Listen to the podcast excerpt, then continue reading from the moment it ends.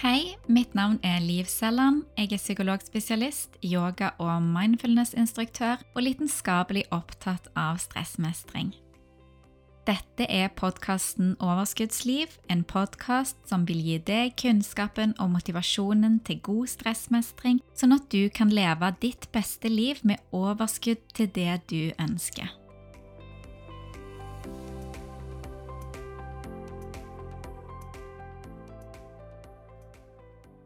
Og velkommen til en ny episode av podkasten Overskuddsliv. Jeg håper at du har hatt en fin start på det nye året.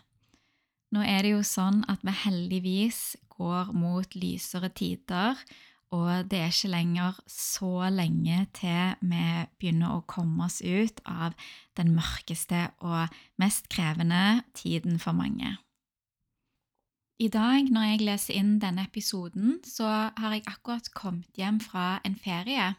Jeg kom hjem eh, veldig seint i går kveld, og denne ferien den var jeg på helt alene. Turen den var til et yoga- og mindfulness-retreat på Kanariøyene.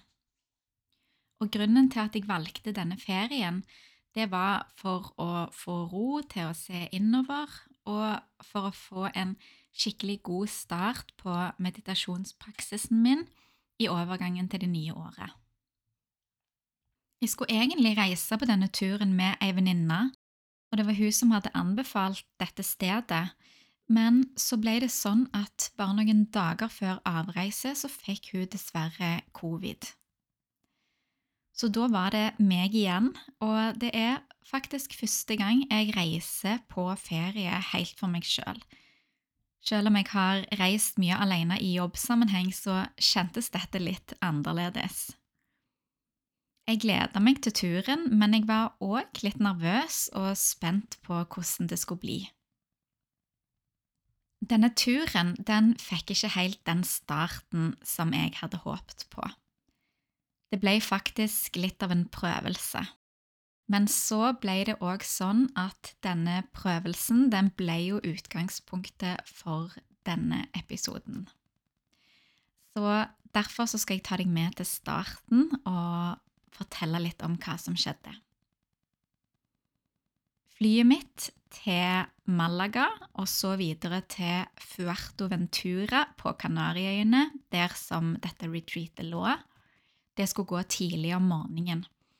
Det var natt til lille nyttårsaften. Og jeg skulle reise med to forskjellige flyselskap, og derfor så valgte jeg å kun reise med håndbagasje. For det er sånn at eh, når du reiser med to forskjellige flyselskap, så må du sjekke ut bagasje, og så må du sjekke det inn igjen. Og det kan være litt styr på en fremmed flyplass i et annet land, og du må gjennom, du må gjennom ny sikkerhetskontroll. Og i Malaga så hadde jeg bare en time på meg, så dette her hørtes jo litt for stressende og for risikabelt ut for meg med tanke på å rekke neste fly. Så derfor så pakket jeg kun håndbagasje.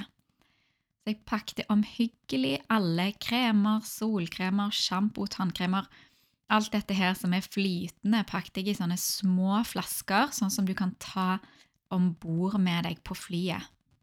Jeg måtte få med meg alt jeg trengte denne uka, pga. at dette stedet det ligger litt avsides med lite tilgang på butikker.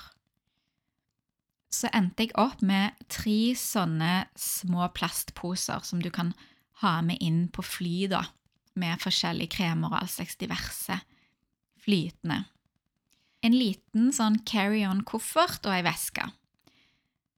Veldig fornøyd med denne pakkingen, så la jeg meg for å sove noen timer før jeg skulle opp. da. 03.30 skulle jeg stå opp. Men så er jeg sånn at når jeg skal opp veldig tidlig, og spesielt hvis jeg skal rekke noe, og spesielt gjerne da rekke et fly, så har jeg vanskelig for å sove. Og det hadde jeg denne natten òg. Så jeg klarte ikke å sovne, og jeg sto opp igjen da i to-tiden og og dusjte og gjorde meg klar og venta på taxien.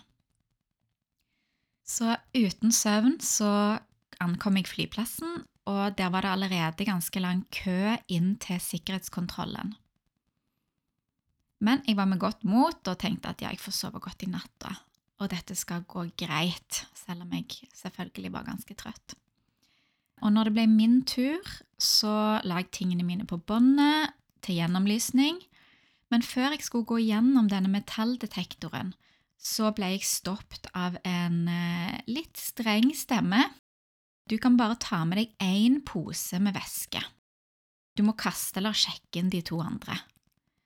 Og jeg kjente da at panikken begynte å stige, og når jeg ikke har hatt søvn, så sitter panikken og stresset og angsten litt nærmere enn det gjør ellers.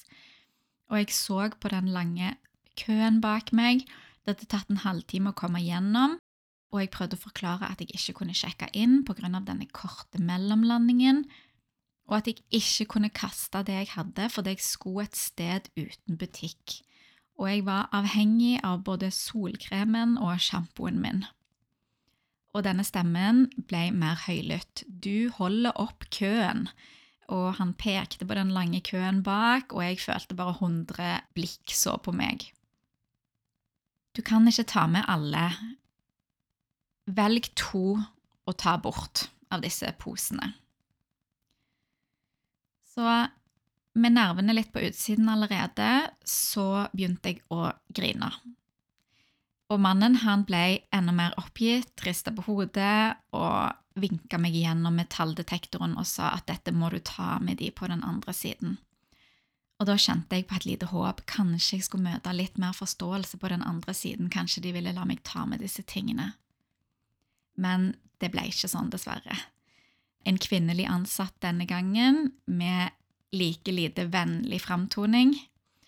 Uh, hun holdt veska mi et godt stykke bak disken mens hun tok disse tre posene og helte ut alle tingene foran seg og sa nå kan du fylle én av disse posene med ting.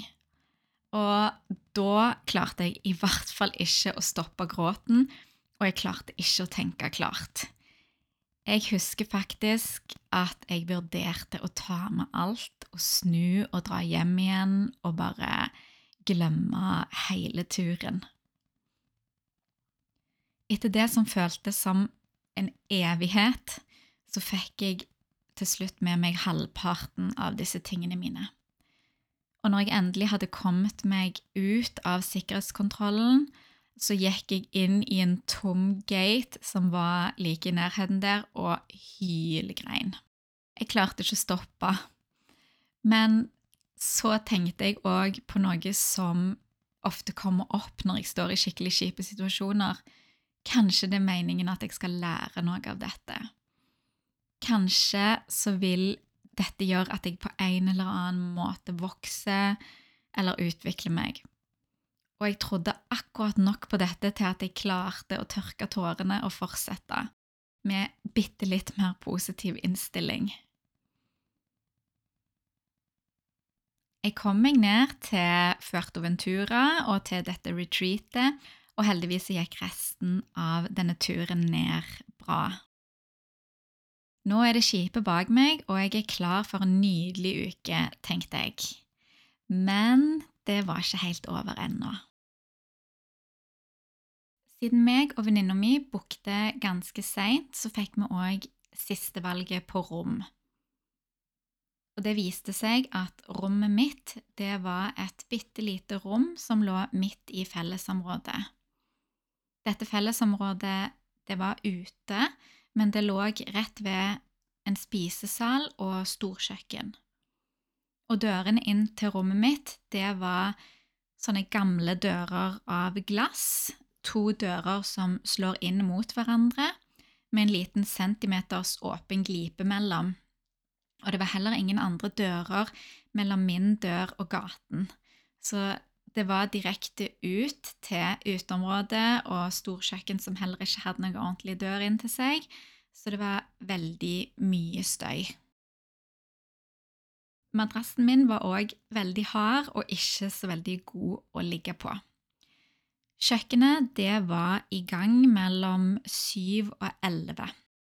Og jeg hadde sett for meg et, en ferie med stillhet, hvile, søvn og meditasjon, og kanskje jobbe litt.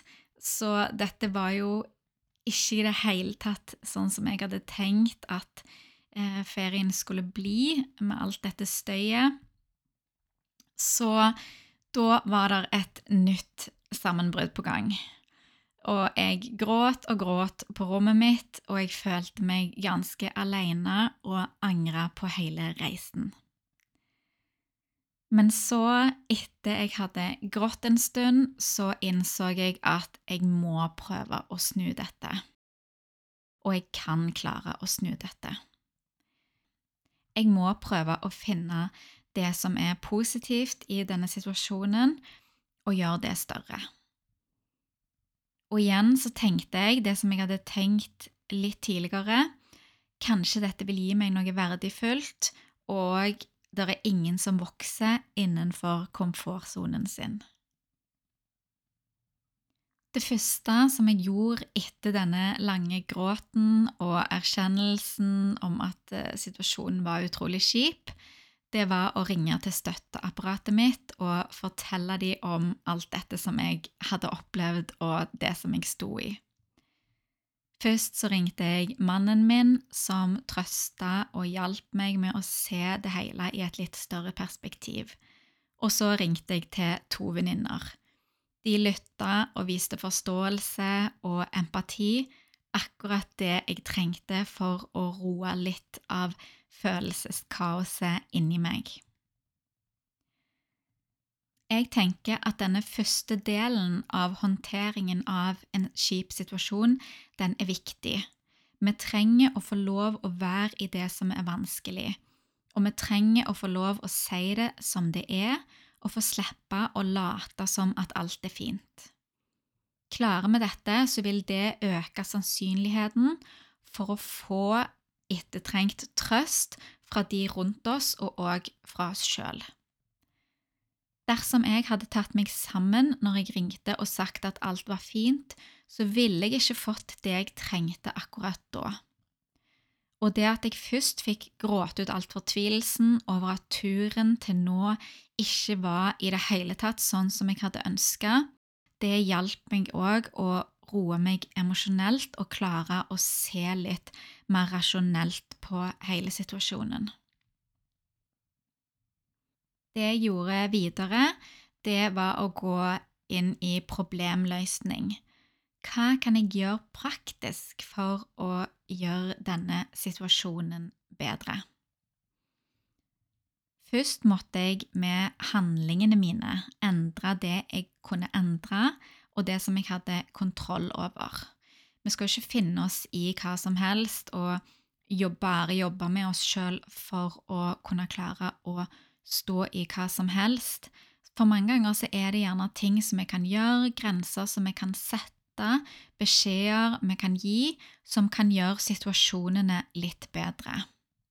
Og etter gråt, og òg veldig viktig etter denne støtten jeg fikk, så følte jeg meg òg sterk nok til å ta tak i det jeg kunne praktisk.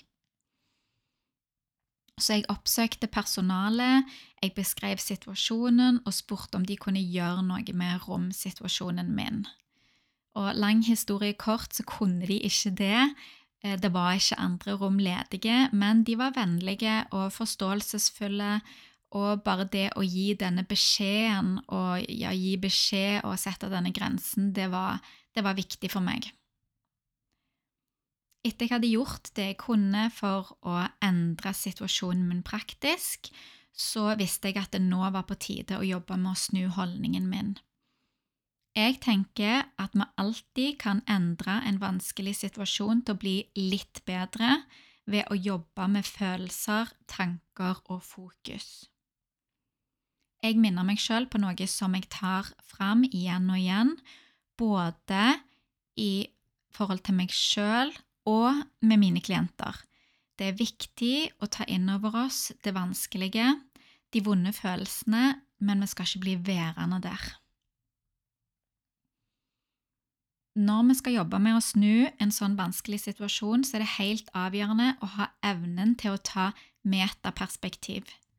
Metaperspektiv, vil si at vi klarer å se våre egne tanker og følelser litt utenifra. det å kunne ta en observerende holdning til oss sjøl. Økt evne til å ta metaperspektiv det kan trenes opp ved å reflektere rundt oss sjøl, ved å skrive ned, skrive ned tankene våre, skrive ned følelsene våre, hvordan vi handler i forskjellige situasjoner, og snakke med andre om dette, og ikke minst den aller mest effektive måten til å trene opp denne evnen, det er å meditere.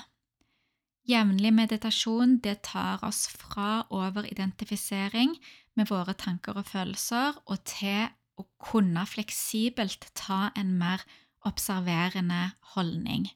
Ikke at vi skal være der hele veien, men at vi kan fleksibelt velge den ene eller det andre perspektivet. Vi kan velge mellom å være i og observere utenifra. Og herfra så kan vi òg begynne å utfordre og ta aktivt grep for å endre hvordan vi har det. Så det å ta metaperspektiv, det er et viktig grunnlag. Og så fins det òg flere selvreflekterende spørsmål som kan hjelpe deg litt på vei. Dersom du befinner deg i en sånn vanskelig situasjon og ønsker å jobbe mot å endre din egen holdning, så kan du spørre deg sjøl følgende spørsmål. Hva er mine tanker og følelser rundt og i denne situasjonen?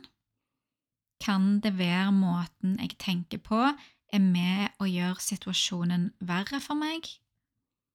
Hva vil jeg råde en venn til dersom hen hadde vært i en sånn situasjon? Hva kan jeg finne av mulige positive ting med denne situasjonen? Og her gjelder det òg å få fram selv bitte små ting.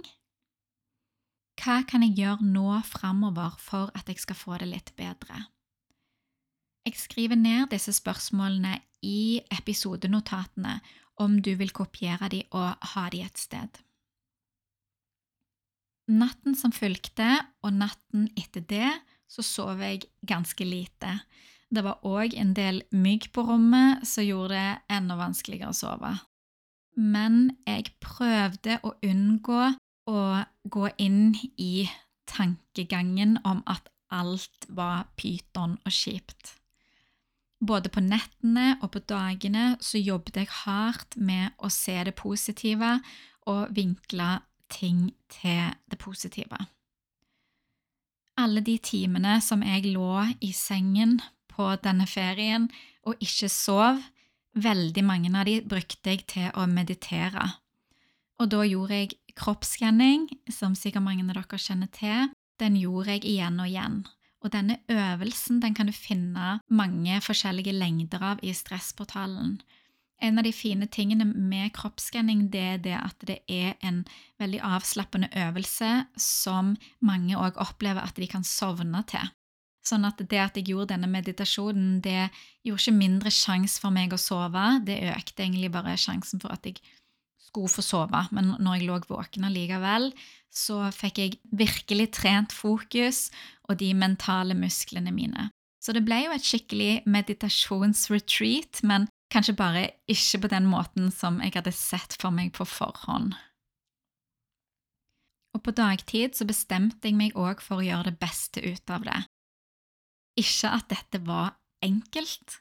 Jeg ville aller mest bare ligge i sengen min og se på Netflix og bare ignorere alt som var vanskelig, men jeg visste at jeg måtte ut og møte de andre for å få hjelp til å flytte oppmerksomheten min ut fra meg sjøl, og for å ha et håp, eller for å ha en sjanse for å snu og føle meg bedre.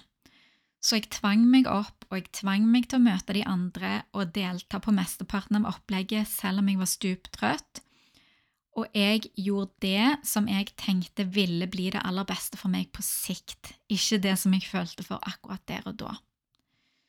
Men jeg gjorde òg ting som var behagelig og fint. Jeg lå ved bassenget og prata med nye mennesker, leste en god bok, spiste veldig gode måltider. Men jeg tok òg mange pauser alene for å hvile. Siden jeg hadde fått såpass lite søvn, så visste jeg at dette var helt nødvendig. Så om og når du befinner deg i lignende situasjoner eller krevende situasjoner, prøv å se de mulighetene som er tilgjengelige for deg i situasjonen, og prøv òg å ha et langtidsperspektiv. Ikke at det nødvendigvis skal være behagelig der og da, men kanskje du kan lære noe og vokse på sikt, selv om øyeblikket er krevende. Prøv å se det positive, men ikke på den måten at du lyver for deg sjøl eller fornekter at ting er kjipt. Det går faktisk an å ha både positive og negative følelser samtidig. Det ene utelukker ikke det andre. Så vi kan jobbe med å øke de positive følelsene selv om vi har det vanskelig. Og kommer det nye nederlag i denne prosessen, så kan du selvfølgelig la deg sjøl få gå litt ned i kjelleren igjen, ha et lite sammenbrudd og søke trøst hos andre og gi deg sjøl trøst, så lenge du plukker deg opp igjen og henter deg ut av det igjen. Dagene mine de ble faktisk veldig fine, til tross for lite søvn. De var ikke fri for negative følelser, men de ble òg fylt med veldig mange positive følelser. Og ikke minst, det aller beste, det var at jeg i denne prosessen kjente på en stor opplevelse av mening. Det var mening i det som var vanskelig. Jeg lærte masse, og jeg kjente at jeg vokste. Jeg fikk øvd meg på å snu en ganske krevende situasjon og føle meg enda mer rusta til neste gang. Og nå får jeg jo òg mulighet til å dele dette.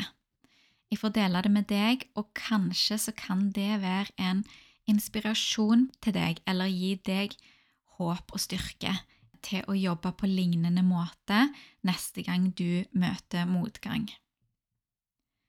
Og så møtte jeg mange fine mennesker som virkelig hjalp meg med å glemme litt av meg sjøl oppi dette. Og vi trenger jo det. Vi trenger å rette fokuset utover og være opptatt av andre.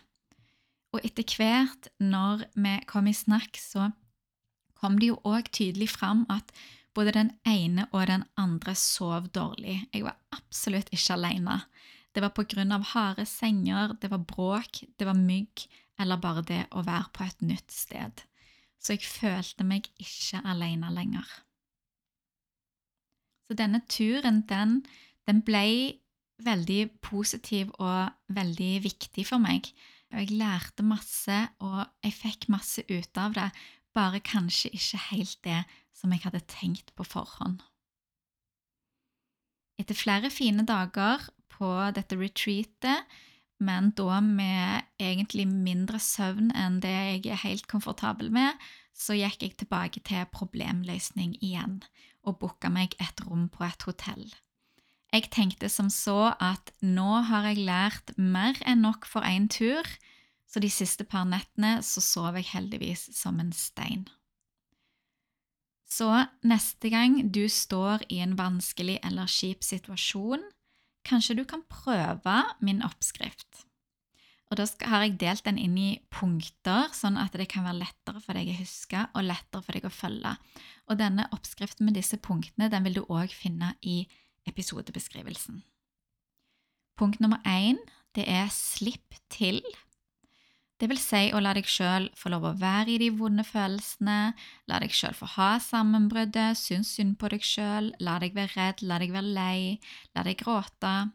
Dette er et viktig steg som vi ikke kan eller skal hoppe over. Punkt nummer to det er å oppsøke støtte. Oppsøk personer, og òg i deg sjøl, eh, som du kan få medfølelse og trøst av. Gi deg sjøl medfølelse og trøst om du klarer dette. Denne medfølelsen, om det er fra oss sjøl eller om det er fra andre, den gjør alt lettere å stå i. Punkt nummer tre det er problemløse. Hva kan du gjøre praktisk med situasjonen for å gjøre den bedre? Er det noe du kan endre? Kan du sette noen grenser? Alt det praktiske og handlingene vi gjør, det kommer inn under dette punktet. Punkt nummer fire det er å snu. Ta styringen. Om det er å finne mening i situasjonen, å lete etter og fokusere på det i situasjonen som er positivt, jobbe med å utfordre de negative tankene, jobbe med hvor du retter fokuset ditt. Alle disse tingene er viktige, for det, det vi fokuserer på, det vokser. Jeg tenker at alle disse punktene er like viktige.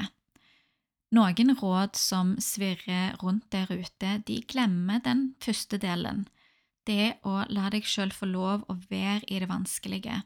Og dette heller litt mot det noen kaller for giftig positivitet, eller toxic positivity. Det å fornekte noe som er vondt. Og da blir det òg fort til at positiviteten vi prøver å bygge, den blir falsk fordi vi ikke har fått erkjent, og vi har ikke fått prosessert de vonde følelsene som ligger under. Og jeg tenker at dette er en balanse. Vi må ta inn over oss det som er vanskelig, men så fokusere ut på det som er fint, og det vi kan endre. Vi må kanskje gå gjennom denne oppskriften flere ganger, vi må kanskje gå litt fram og tilbake mellom stegene, men jeg tenker at disse stegene òg til sammen kan hjelpe oss utrolig mye. Det som er enda bedre, er om vi kan øve oss igjen og igjen på denne måten å håndtere vanskelige situasjoner på, sånn at det blir en vane for oss, en normal måte å håndtere motgang.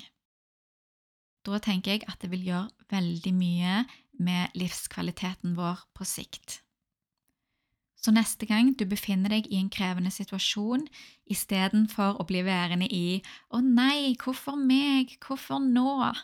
Se om du etter hvert kan koble på 'Yes, dette gir meg en verdifull mulighet til å trene på å bli bedre på å takle livet og vokse som menneske'. Og om du ikke klarer helt den store gjessen, så kanskje du klarer å hente inn gjerne det er noe som kan bli litt greit oppi dette òg. Selvfølgelig så er det sånn at noen situasjoner er langt mer krevende enn andre. Og turen min den er vel i kategorien mild sett i sammenheng med mye annet. Men jeg tenker at vi òg kan bruke denne oppskriften i livets skikkelig store motganger.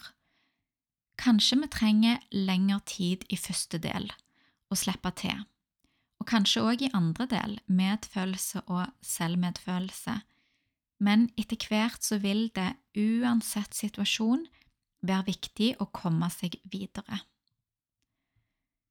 En som har vist at vår evne til å velge holdning kan endre selv de aller mest krevende situasjoner, er psykiateren Viktor Frankl, som overlevde fangenskap i en rekke tyske konsentrasjonsleirer under andre verdenskrig. Frankel har beskrevet opplevelsene sine i boken Man's Search for Meaning. Og her er noen ord fra denne boken. Everything can be taken from a man but one thing, the last of the human freedoms, to choose one's attitude in any given set of circumstances, to choose one's own way. When we are no longer able to change a situation, we are challenged to change ourselves. Dette har jeg prøvd å oversette til norsk, og da blir det følgende. Alt kan bli tatt fra oss bortsett fra én ting – den siste av de menneskelige frihetene, å velge vår holdning i en gitt situasjon og velge vår egen reaksjon. Når vi ikke lenger er i stand til å endre situasjonen, utfordres vi til å endre oss selv. Om du likte denne episoden, husk å abonnere, så får du opp nye episoder når de slippes. Dersom du ønsker å lytte mer, så kan du få tilgang til alle episodene av podkasten i Stressportalen. Her slipper jeg òg en ny episode ukentlig. I Stressportalen finner du òg mange andre ressurser, annet over 40 meditasjoner og øvelser som hjelper deg med å jobbe med deg sjøl, redusere stress og oppnå mer overskudd og glede. Den rimeligste månedsprisen for Stressportalen er 59 kroner, og du kan prøve gratis og uforpliktende i syv dager. Dersom du ønsker å lese mer eller melde deg inn, gå til stressportalen.no. Og med disse ordene så ønsker jeg deg en riktig fin uke. Takk for at du lytta, og vi høres igjen.